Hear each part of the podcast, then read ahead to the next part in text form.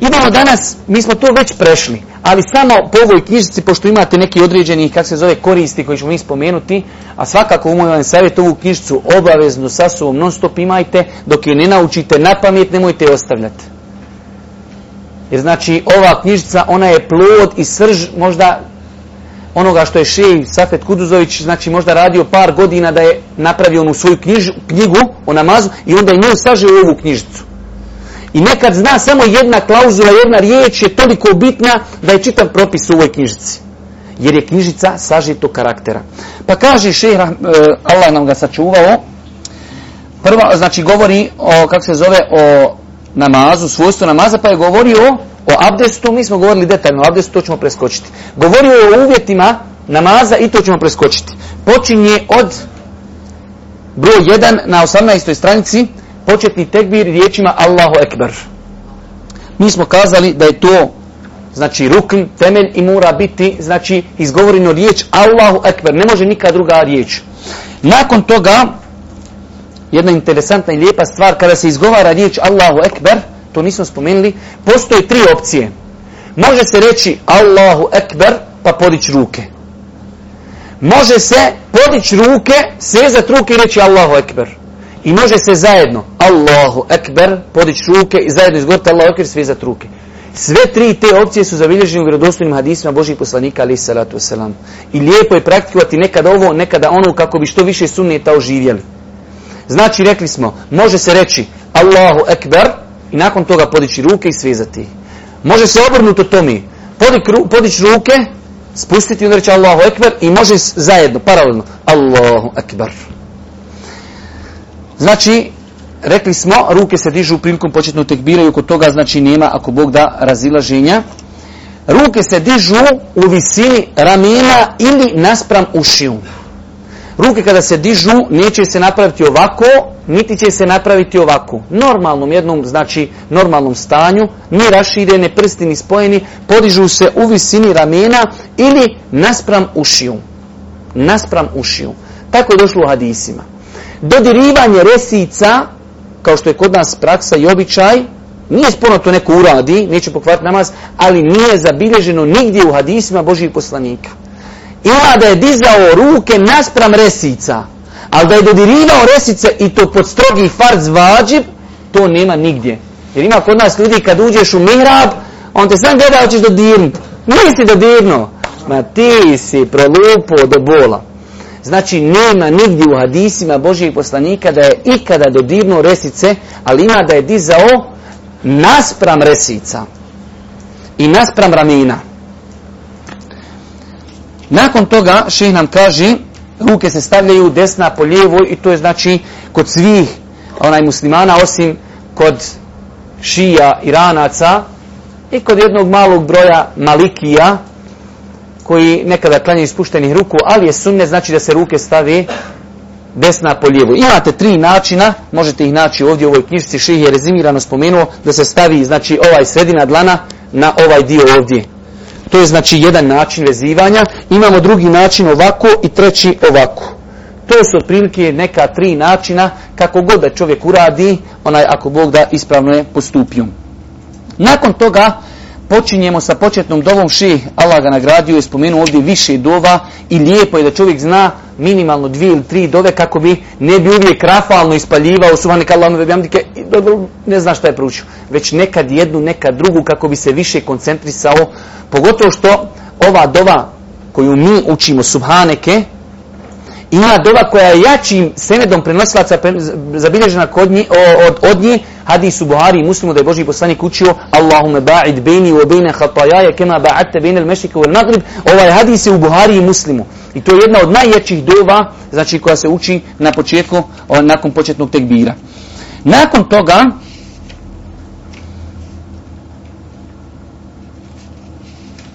čovjek će nakon što je proučio, kako se zove, početnu dovu, uči euzu i bismilu, nakon toga uči fatihu. Rekli smo da kada u pogledu učenja fatihe, rekli smo da je fatiha sastavni dio namaza, znači rukn, temelj, osim što šeh ovdje preferira mišljenje da čovjek fatihu uvijek mora učiti. Kada imam uči na glas, kada završi fatihu, čovjek će učiti fatihu po mišljenju šeha Safeta i tu je jako mišljenje, ali mi smo rekli preferirali smo drugo mišljenje, jer to je znači jedno od pitanja u kojim su se mezhebi razišli žestoko, jako je razilaženje. Ja sam lično stava da kad imam uči naglas fatihu, da u to namazu čovjek ne treba da uči fatihu. Nakon toga, nakon fatihe se izgovara amin, glasno u namazima u kojima se uči naglas, tiho u namazima u kojima se uči tiho. Rekli smo da je to sunnet i da je to lijepo praktikovati ondje gdje se zna za taj sunnet, ja sam nedavno, u mene djeca ko odrasla sa mnom i tamo odrasla i, i odemo ti mi u busavaču, u džamiju sad na džumu u petak. A u busavači vidjet čovjeka sa bradom je znači lakše je vidjeti ne znam nija šta, ali uglavnom ja sam vašao sa svojom djecom, sjeli smo mi u prvi saf, imam ja jednog sinča Jasira, on inače onako grlat na mene se bacio. I si rama, ja sam njemu zaboravio pojasniti te neke stvari i on je naučio i sad nije velika džamija, malo veća od ovog ovdje prostora. Kad je hođe na prvom rekiatu, rekao veledalim, kad je moj asir ruknuo, amin, i onda on da sam on rekao amin. ja poslije namaza rekao, jasire, ti si najbolji danas, evo ti Marka.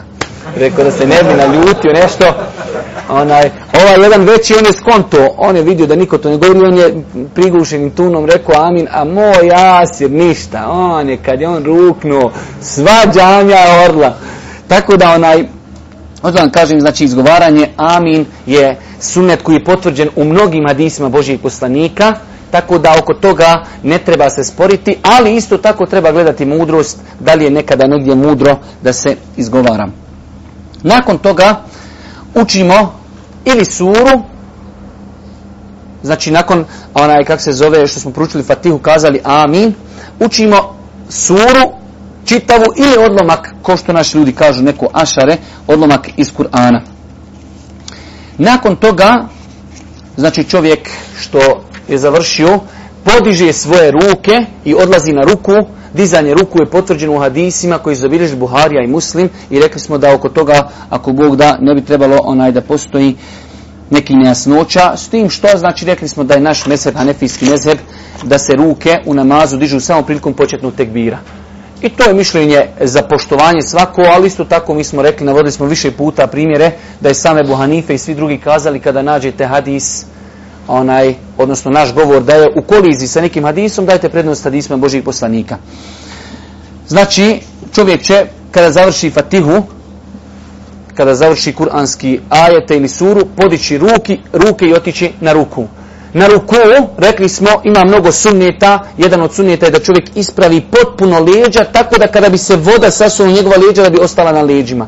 A ne da bude ko vodopad, ko što kod nas u veličini slučajeva onaj ljudi klanjaju da se ruke raširenih prstiju stavi na koljena, da se normalno jednom kaže Subhana Rabijel Azim kao vađib, mimo toga ili dodati više puta Subhana Rabijel Azim, ili dodati neke dove koje učio Boži poslanik Ali se ratu selam, to je sve po sunnetu. U smislu sve je to neobavezno. Obavezno je otići na ruku, smiriti se potpuno i reći jednom Subhana Rabijel Azim. To je obaveza. Sve ostalo je dove, povećavanje zikrova, znači sve je to sunnet. Nakon toga čovjek se vraća i kaže Semi Allahu limen hamide, podižući ruke. Rekli smo da svi izgovaraju Semi Allahu limen hamide, većina učinjaka kaže čovjek koji u džematu ne izgovara Semi Allahu limen hamide, ali smo rekli da je jako mišljenje da je to propisano neki su shvatili da sam ja rekao da je to obaveza. Ne, ja kažem da je propisano svim vrstama džematlija i svim vrstama namazlija da kažu semi Allahu limen hamide, bez obzira bio pojedinac ili kanju u džematu. Nakon toga,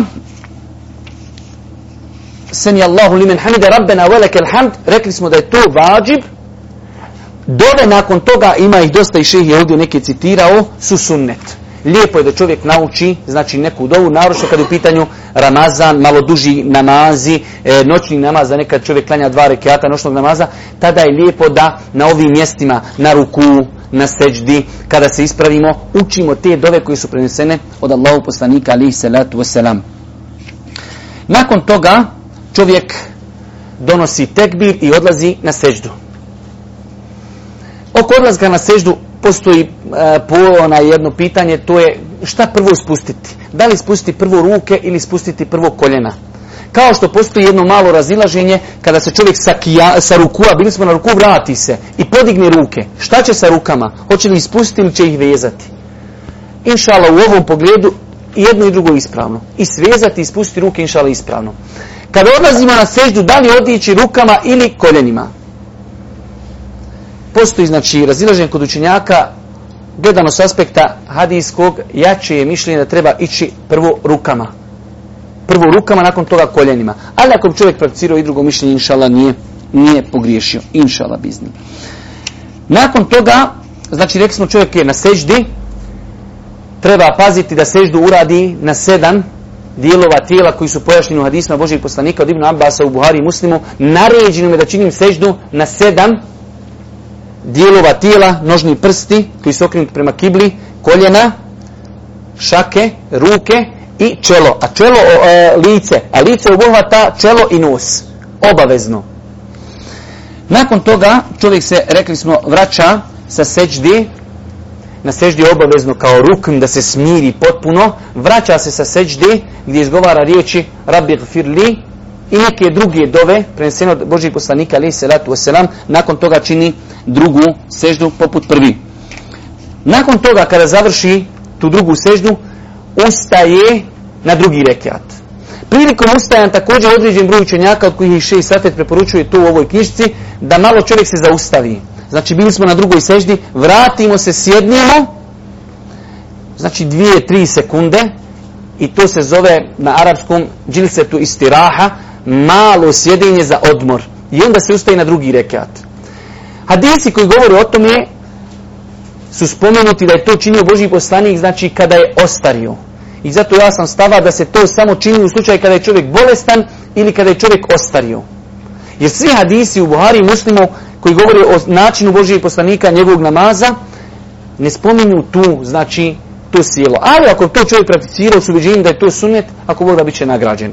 U svakom slučaju, znači nakon prvog rekiata ustaje se na drugi rekiat i uči se sve što je se učilo i na prvom rekiatu. Nakon toga čovjek znači urače ruku, otiče na seždu, sve potpuno identično kao u prvom rekiatu i onda, ako je dvorekiatni namaz kao saba, sješće i znate ono standardno sjedinje kako se zove, i učit ćete hijat salavate i predati selam. Imamo jednu stvar, tu je Ših ovdje spomenuo, jedan sunet koji je zapostavljen, a to je kada čovjek uradi jednu seđdu i vraća se sa te seđde, ponekad je lijepo prakticirati da čovjek sjedne tako što će oba dvije noge ispraviti. Znači mi inače kada sjedamo, sjedamo na način da jednu nogu ispravimo, a na drugu sjednimo. Lijepo je između seždi nekada urati da čovjek je ovako oba dvije noge ispravi i sjedni na noge. Između dvije sežde. To je sunnet koji je znači poprilično zapostavljen kod velikog broja ljudi, ona, a še je to navio. I zato vam kažem, ovu knjižicu treba dobro istudirati. Jer nekada samo jedna riječ je propis.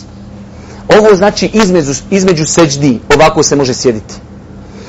A na etehijatu ako je dvorekatni e, namaz, rekli smo sjedi se ovako kako sam ja sjeo, jedna se noga ispravi, na jednu se sjedni.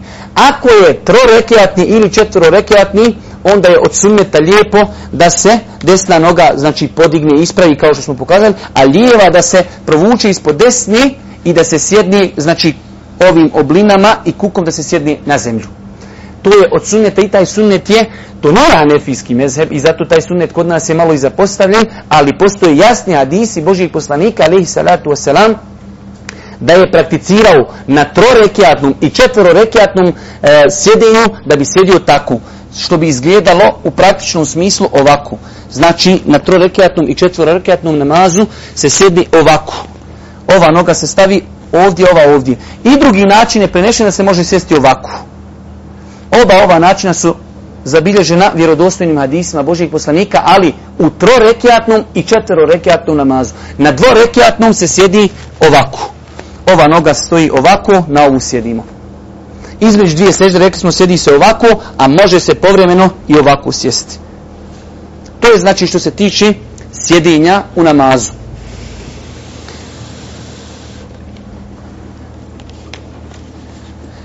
Nakon toga imamo, rekli smo isto jedno pitanje, a to je kada čovjek sjedi i uči etahijatu u pogledu micanja prsta. Imamo tu prilike neka tri mišljenja. Imamo mišljenje da se cijelo vrijeme etehijatu prst drži samo da se sa njim pokazuje, znači, ovako, bez micanja. Imamo mišljenje da se cijelo vrijeme miče i imamo mišljenje da se samo miče kada se izgovara, znači, e, ešedun la ilaha illa, ešedun muhammeden abdu rasulu. U svakom slučaju, po mom nekom skromnom mišljenju, i to je ono što šeh ovdje preferira, jeste da je s hadijskog aspekta najjače mišljenje da se samo prstom pokazuje cijelo vrijeme. Postoje dva načina. Ili da se prsti ovako uzmu u halku i ovako, ili da se svi prsti skupe i onda da se samo prstom pokazuje. Drugo mišljenje, po mom nekom skromnom mišljenju pojačini, jeste mišljenje da treba cijelo vrijeme micati prst, i treće mišljenje je da samo treba na, znači, onaj šehadetu podići prst, znači koliko je meni skromno moje znanje, onaj poznato zato mišljenje postoji jak, validan dokaz. Otprilike imamo ovdje na kraju ove knjižice lijepo, evo ja ću preletjeti samo kratko neke stvari koje še spomenuo kao greške namaza, jer ja sam planirao današnji prvi ders da nam bude da po ovoj knjižici prijeđemo otprilike način namaza i ove neke greške. Pa kaže še prva greška uzimanje abdesta bez nijeta. Mi smo o tome govorili kad smo rekli da bi se desilo i gusul. Da čovjek odi da se okupa, želio je da se razladi. I onda mu padne da on bio u osnovi džunu. Pa kaže, tamo ja sam se okupao. Ne, namjera nijet je obavezna. Nakon, isto i tako u abdestu. Kada bi čovjek jednostavno otišao u kupatilo i ono, zato što non stop redovno klanja, abdestio. Kad iziđe, kad pa vidi, ja sam abdestio. Ali nisam imao namjeru za abdest taj abdest nije validan. Znači namjera. Druga stvar, pranje dijelova tijela više od tri puta. U sunetu je došlo, rekli smo kako da se abdesti. Ili svaki dio po jednom, ili svaki dio po dva put, ili svaki dio po tri put, ili miksovanje. Više od tri puta je došla zabrana u, Boži, u Božih poslanika. Kaže, ostaviti manji ili veći dio tijela koji se ne ostavi, znači nenakvašen. To smo spominjali. Nerijetko se dešava to da na petama oni ljudi koji ne vole plavu vodu, pa malo nogu samo stavi pod vodu, malo gore oko prstiju i to je to peta, ostani suha. Ili ljudi koji zavrnu rukave, kada abdeste ovako stavi rukav i onda on operi do rukava, ali ostani, znači taj dio lata neopran. Zato kada imate majice, dugih rukava i košlje, morate dobro zavrati rukav i onda oprati, znači, onaj, u svakom slučaju, rekli smo da imaju greške i kod lica. Lice treba oprati od, znači, onih granica koji smo pojašnjavali da ponovo sad tu. Također, pranje podlaktica bez pranja šaka. Sjećate smo to govorili, čovjek znači na početku ovdje sad će oprati šake samo. Nakon toga oprati lice, usta i nos, nakon toga ponovo peri ruke, ali je obaveza oprati ruke od ovog ovdje dijela vršice skroz do lakata i do iza lakata ostavljati ruke neoprane smatra se greškom. Potirati Potiranje jednog dijela glavi. Mi smo rekli da postoji tu među mesebima razilaženje, ali ono što je prenešeno u hadisima Buhari i muslima jeste da je potirao na način što bi stavljao svoje ruke, tako potrao bi do potiljka i vratio bi. Tako je činio Boži poslanik. Mese bi se razišli, ok, mese bi se razišli, ali mi imamo hadis u Buhari i muslimu jasno kako je potirao Boži poslanik i najpreće je da potirimo svu glavu. Također, potiranje vrata Rekli smo da ne postoji vjerodostojni dokaz da je Boži poslanik potirao vrat prilikom abdesta. Nepotrebno raspanje vode. Rekli smo da je Boži poslanik abdestio sa koliko vodi? Sa pregrštom. Mi danas ne možemo se iz pregršta napit. A znači abdest mi potrošimo možda 20-30 takvih pregršta. U svakom slučaju pokušajte kada abdestite vodu samo malo drn da voda teče kao ono što bi rekao naš narod konac. I pokušajte tako abdestiti pa ćete vidjeti koliko ćete vodi, onaj, kak se zove, uštediti.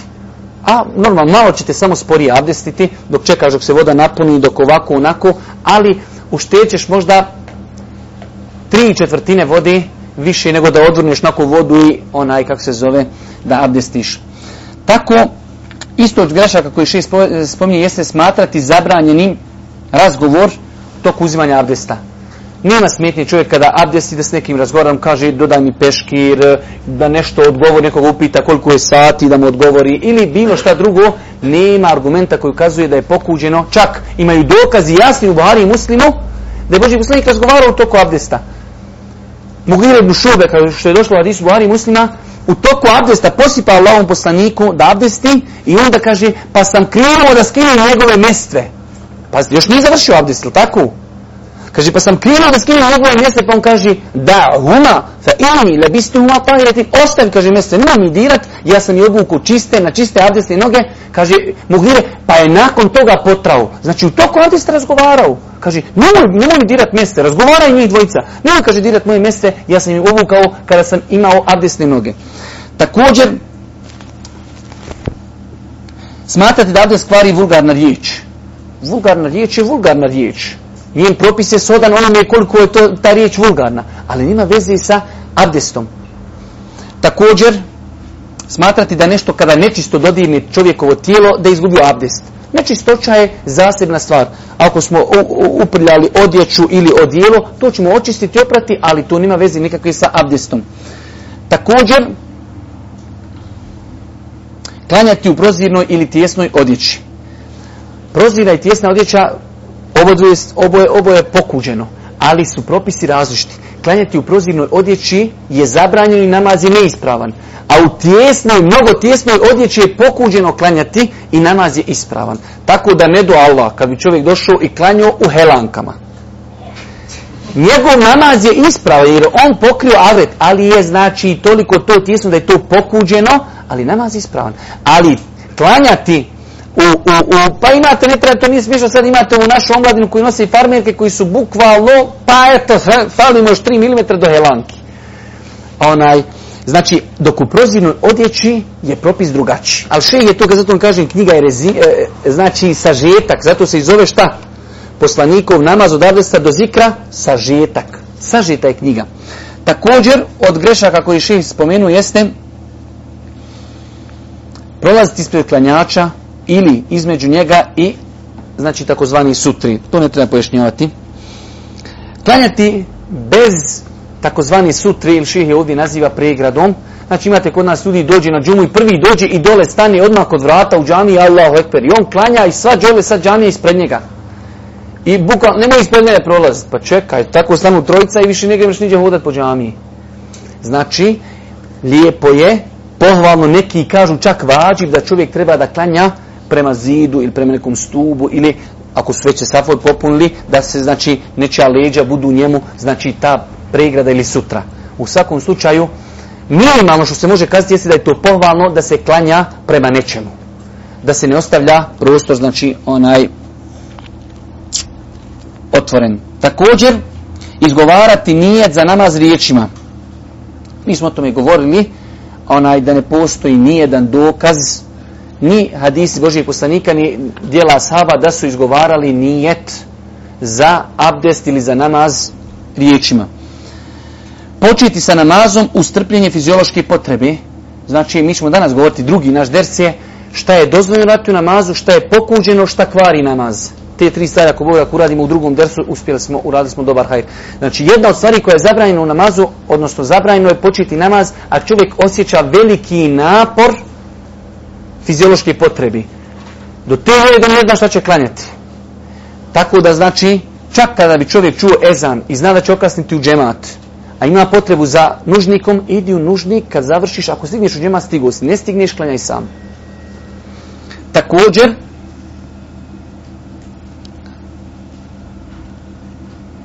neki stvari ja preskačem zato što nisam nešto puno bitne, a više to inšala poslije učiti u mislima bez izgovora jezikom. To se nerijetko dešava da vidiš čovjeka nešto zamišljen kako će se oženiti, kako će vratiti e, dug tamo vam i onda on stane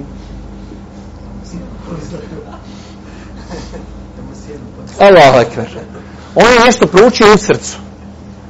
Ali to se u šerijetu ne smatra kirajetom i učinjem. U šerijetu se kirajetom smatra ono gdje se miče jezik. To je greška, nažalost, kod velikog broja ljudi. Pokušajte to pratiti pa ćete vidjeti, ne možete sad ono svaki put. ćeš jezikom. Ali pogledajte pa ćete vidjeti da velik broj ljudi znači zatvori usta i šuti.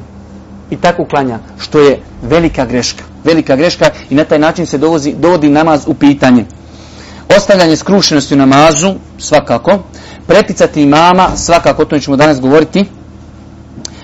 Suviše širiti noge htjeli približavati jedno drugoj. Tako mi smo tako, Allah je dao muslimani uvijek u jedno dvije krajnosti odu.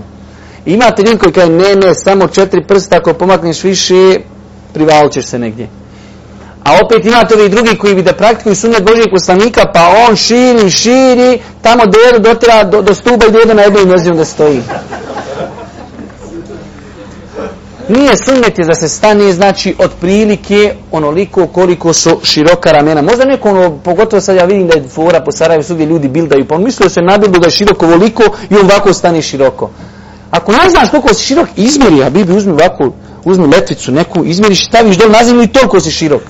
Nemoj se umišljati, jer možda ima ogledala koja su malo polukružna, pa te tamo prikazuje da si širok i ti se ovako hoćeš da staniš. Nije. Znači, izmjeri, ako ne znaš, otprilike čovjek treba da stani u namazu normalno normalno, onako kako, kako stoji, znači koliko je njegova širina ramena, tako stati. I to je znači normalno stajanje u namazu.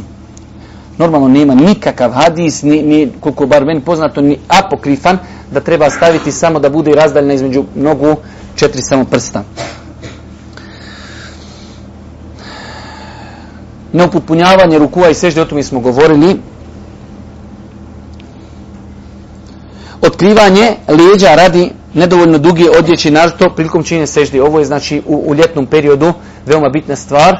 Znači da čovjek koji nosi majicu, ispod nema potkošulje, da pazi, pogotovo ljudi koji nosi šorceve, onaj kada čovjek odi na ruku ili odi na seždu, da se šorc povuče nazad, a potkošle ode još gore i onda otprilike 20 cm vidite golog, otprilike već vidiš njegove obline, znači onaj da Allah oprosti odno koliko je ko debel i koliko je mu tjesan šorc.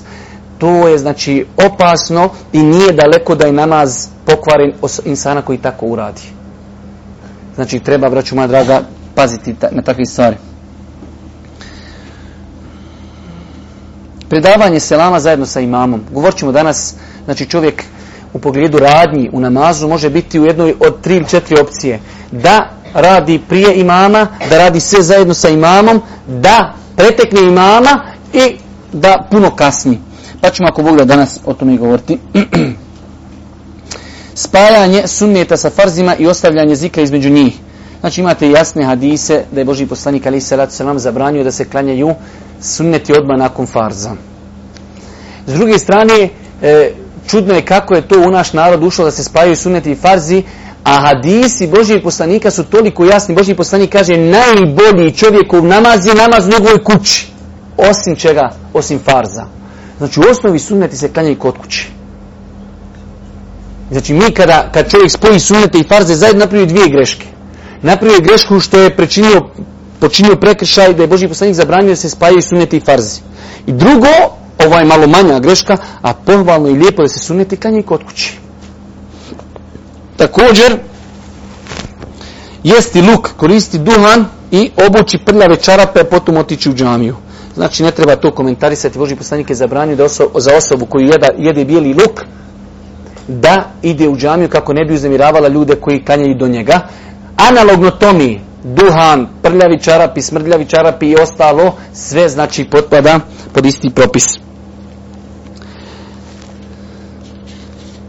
sjesti u džami prije nego se klanje dva rekiata, imati rezervisano mjesto u džami znači imaš ljudi, on uđe u džami kad te vidi na njegovom mjestu, on više ne zna šta će klanjati. On samo razmišlja kako bi on tebe nekako ispalio da izađeš iz džamije, da klanja na u nekom starom mjestu. U svakom slučaju to su onaj, kako se zove, neke greške. Mi ćemo ovdje se, ako Bog da sada zaustaviti, jer ovako nam po, po ovom našim satni, satniku. Dokad mi završimo? do tri. Jesmo, mi smo počeli u... E ništa. Onda ako Bog da, onaj, počinjemo sa ovom našom drugom tematikom, a to je stvari koje su dozvoljene, zabranjene i pokuđene da ih činimo u namazu. Ovo je, braćo moja draga, jedna od možda nakon onoga što smo govorili šta su ruknovi, šta su šartovi, jedna od najbitnijih stvari. Jer vidjet ćete određene stvari, mi smatramo su zabranjene, one su dozvoljene. A određene stvari, znači obrnuto tome. Tako da je veoma bitno. Prva stvar, Šta je dozvoljeno raditi u namazu u smislu dopušteno, smiješ to urati ako postoji pogotovo zatim potreba. Prva stvar, nema smetnje da se drži dijete u naručju u toku namaza. Koliko bi nam valjala ova stvar kada odete negdje u džaniju i plaće dijete pored majke, ona razguliva, sva džanija i se naježila, majka ne zna da smije uzeti svoje dijete u naručje. Boži poslanik je bio poslanik predvodio ljude u farzima, pa je znao svoju unuku koja se zvala Umame, nositi u naručju. Pa kada bi otišao na ruku, spustio bi je pored sebe, otišao bi na ruku, otišao bi na seždu, nakon toga kada bi krenuo ponovo na, na kijam stajanje, opet uzio cijelo vrijeme namaza svoju unuku držao sa sobom. Kod nas koliko puta sam ja bio svjedok u Fahdovoj džami ili nekim drugim džamijama, od početka namaza dijete preplaći do kraja namaza. Ili čak i kod muški. Roditelj ne zna da smije tu raditi. Znači nema smetnji. Kao što se desi čovjeku, mobitel mu ostao uključen. I onda tamo užičko. I sva džanja skakući. A onda li ja ako se pomaknem, su to više od tri pokreta. On bi to mogao nekako, ali veli tri pokreta pokvar mi se namaz. I onda sva džanja ponavlja za njim. Izad ja bibi mobitel, ako ga ne smiješ zvizniti od zid ili baciti kroz prozor, isključi ga, pricneš, isključiš i završena stvar. Isto tako i problem, dijete zaplakalo. Nema smetnje, dijete se zbulo, vidi mnoge klanjače, ne zna gdje je babo, uzmi dijete jer je to učinio onaj koji je bolji od tebe, mnogo, mnogo bolji od tebe. Znači, dozvoljeno je da čovjek u namazu uzme svoje dijete i da ga drži. Čak ovdje može postaviti svojom ruku bez potrebe, nije plakala. Šta mislite onda koliko je, koliko je dobro uzeti dijete plaće ako uznemirava džemat? Znači dozvoljeno je to je hadis o tome govori u Buhari i muslimu da je Boži poslanik klanjao noseći znači u naručju svoju unuku. Također nema smetnje ako ima potreba za tim da se malo u namazu čovjek uradi dva ili tri koraka. Boži poslanik se salatu Selam, kao što je došlo, znači, onaj, u vjerodostojnim hadisima, znao je se pomjeriti da otvori vrata nekome u namazu. Znači, korak dva otvoriš vrata. Tako isto ako vidiš mjesto u safu. Znači, da, da čovjek onaj napravi stopu ili dvije ili tri ili pet, da popuni mjesto u safu. Također, nema smetnje da čovjek ako vidi da će neko proći ispred njega, da ga zaustavi rukom tu ljudi ne, smije se pomakiti. Ti gašiš čovjek jednom, dva put, tri put, stani ba čovječe, dobro viši. Zaustavi slobodno. O tome nam govori vjerodostojni hadisi. Također, ako bi se desilo čovjek negdje klanja, znači u situaciji da je možda neko pored njega spavao, pa je se pomakao ispred njega, on se ne može pomaknuti, slobodno nije smitnju namazu, kao što je došlo u hadisma da je Boži poslanik, a išu, dodirnuo bi je za da se pomakne da može učiniti seždu. Znači, mi volimo namaz i poštujemo namaz, ali smo u tom poštovanju nekad otišli mnogo dalje nego što je dozvoljeno. Nema potrebe, znači, možeš dozdirnuti nekog namazu, dati mu i šaret da se pomakni. Također, ono što smo govorili na propis, ako bi čovjek u toku namaza znao da na nekom dijelu tijela ima nečistoću, pa šta smo kazali? Ako se ta nečistoća može obaveza mu je ukloniti i nastaviti namaz. Primjer radi, na majici ako imamo nečistoću, sjetili smo se da nam je majica nečista ispod imaš potkošulju. Nema smetnju namazu, samo da skinješ svoju majicu, ostaviš, nastaviš klanjati. I bilo koji drugi neki pokret koji je kratak, rekli smo malo prije mobitel, nema smetnji. Jer Boži poslanik dolazi mu džibril i kaže u toku namaza na tvojim papućama ima nečistoći. Pa je Boži poslanik uzeo papuće i skinuo ih pored sebe. Znači neki pokret za kojim postoji potreba ne smeta u namazu. Također Nema smetnje, vraću moja draga, da čovjek ako ima potrebu da popravi odjeću, ako ga nešto zasvrbi, nešto ga smeta, da to uradi. Čovjek zakopću košulju i e, u džami vruće, ljudi napuhali. On se znao ali ne smije otkopćati dugme. Slobodno otkopćaj dugme. Dođe muha i stavi na nos. On... Ma mani slobodno da otiraj muhu. I nakon ne znaš šta klanjaš. On vrti obrvama, nosom, ustima, jezikom. Mani, slobodno, otjeraj mu. Također, ako ima potreba, naročito u nafili, da se čovjek zakrini lijevo ili desno glavom, samo znači, ne do Allah da čuje dijete vrisnulo nešto, pogleda, vidi, malo spalo na glavu, ok, nije ništa plaho, nastavi klanjati. Vidiš da je dijete spalo, probilo ruku nožem, prekin namaz, znači nema smetnji, kao što se desilo Ebu Bekru, kada je Boži poslanik stao da klanja iza njega, pa su mu ashabi i šaretili, pa su krenuo, vidio Božih poslanika i onda je se vratio nazad. Znači, nima smije, ako postoji potreba da čovjek znači, se zakrini glavom, da pogleda lijevo ili desno. Normalno tu, ta potreba ne budu vijesti, dnevnik, pa gleda dnevnik i klanja. Također, znači, rekli smo napraviti neki pokrit rukom ili glavom koji će biti razuman onome koji nešto treba da čovjek dođe i nešto, da ti kažeš, sjedi, sačekaj. Nije znači to sporno u namazu. Neko da ti nazove selam, da mu odgovoriš rukom selam.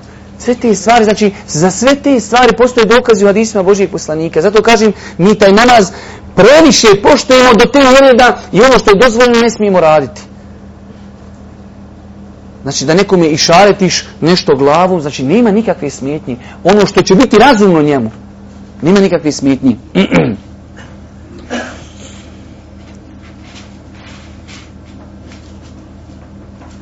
Čak učenjaci navodi, kao što se desilo u onom slučaju kada je Boži poslanik Ali se sam jedne prilike odužio, puno sežnu, odužio, znači Boži poslanik je znao odužiti sežnu, ali jedne prilike odužio mnogo više nego što je običaj. Pa jedan osa podigao se sa sežnu i šta je? Kad kaže on Boži poslanika zajao na poslanika, tako bukvalno, i sjedi na njemu. I on kad je vidio šta je, opet se vratio na sežnju i čekaj.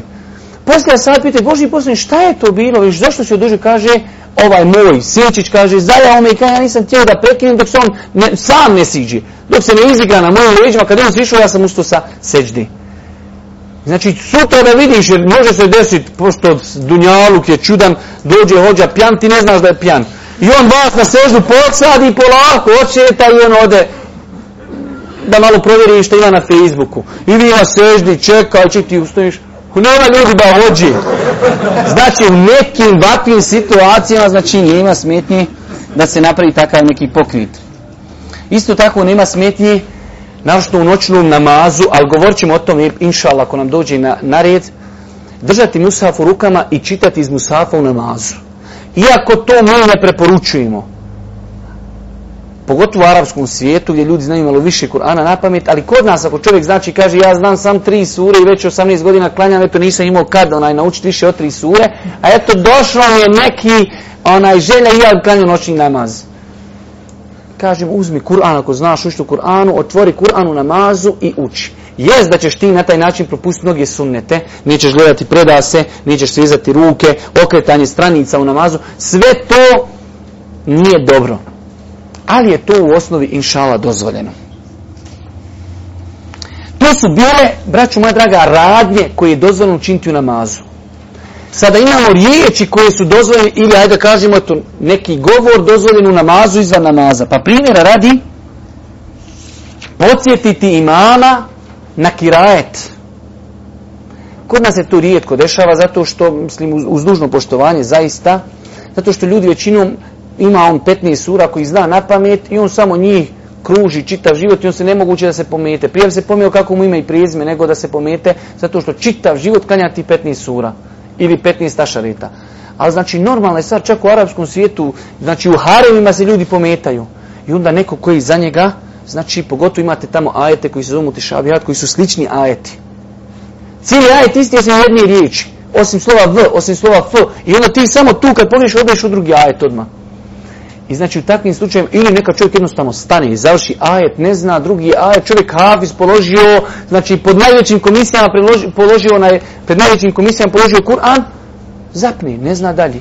Nema smetnju na mazdač, onaj ko zna da, da ga napomini, da nastavi učiti dalje. Također, nema smetnji naročitu na fili da čovjek jedan ajet ponavlja više puta. Zadnja klupa bi mogla izići napolje. Zato bolje im je ili da slušaju ders ili da šute. Znači, nas smetnje da, pogotovo na fili, u noćnom namazu, da čovjek kada naiđe na neki ajet koji razumije njegovo značenje, koji odgaja njegovu dušu, da ga ponavlja više puta. Imaju hadise oko koji postoji malo razilaženje da je Boži poslanik klanjao jednu cijelu noć ponavljajući samo jedan ajet. Ali o, o, to samo za Božeg poslanika, ali o hadisi, znači, ili predaje o prvim generacijama su mnogi, mnogi, znači, predaje da su znali ljudi dugo vremena na namazu ponavljati samo jedan ajet. I to je ono što se traži od insana, da se odgaja tim ajetima, da ga ponavlja, ponavlja kako bi taj ajet odgajao njegovu dušu. Također, dozvoljeno je zaplakati u namazu zbog namaza. Ne čovjek u namazu nam padne mu, umrla mu nene i onda počne plakat to je već problematično. Ali zaplakati u namazu zbog namaza, zbog znači onoga što se uči, zbog straha od Allaha, to je svakako ne samo dozvoljeno, već je to pohvalno i tekako.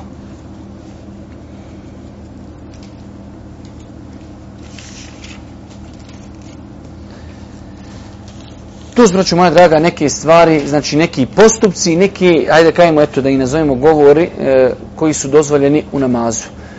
Ovdje ćemo se zaustaviti pa ćemo ako Bog da nastaviti sa poglavljem šta je zabranjeno činiti u namazu i onda nakon toga govoriti šta kvari namaz. Subhanak Allahumma wa bihamdika ashhadu an la ilaha illa anta astaghfiruka wa atubu ilayk.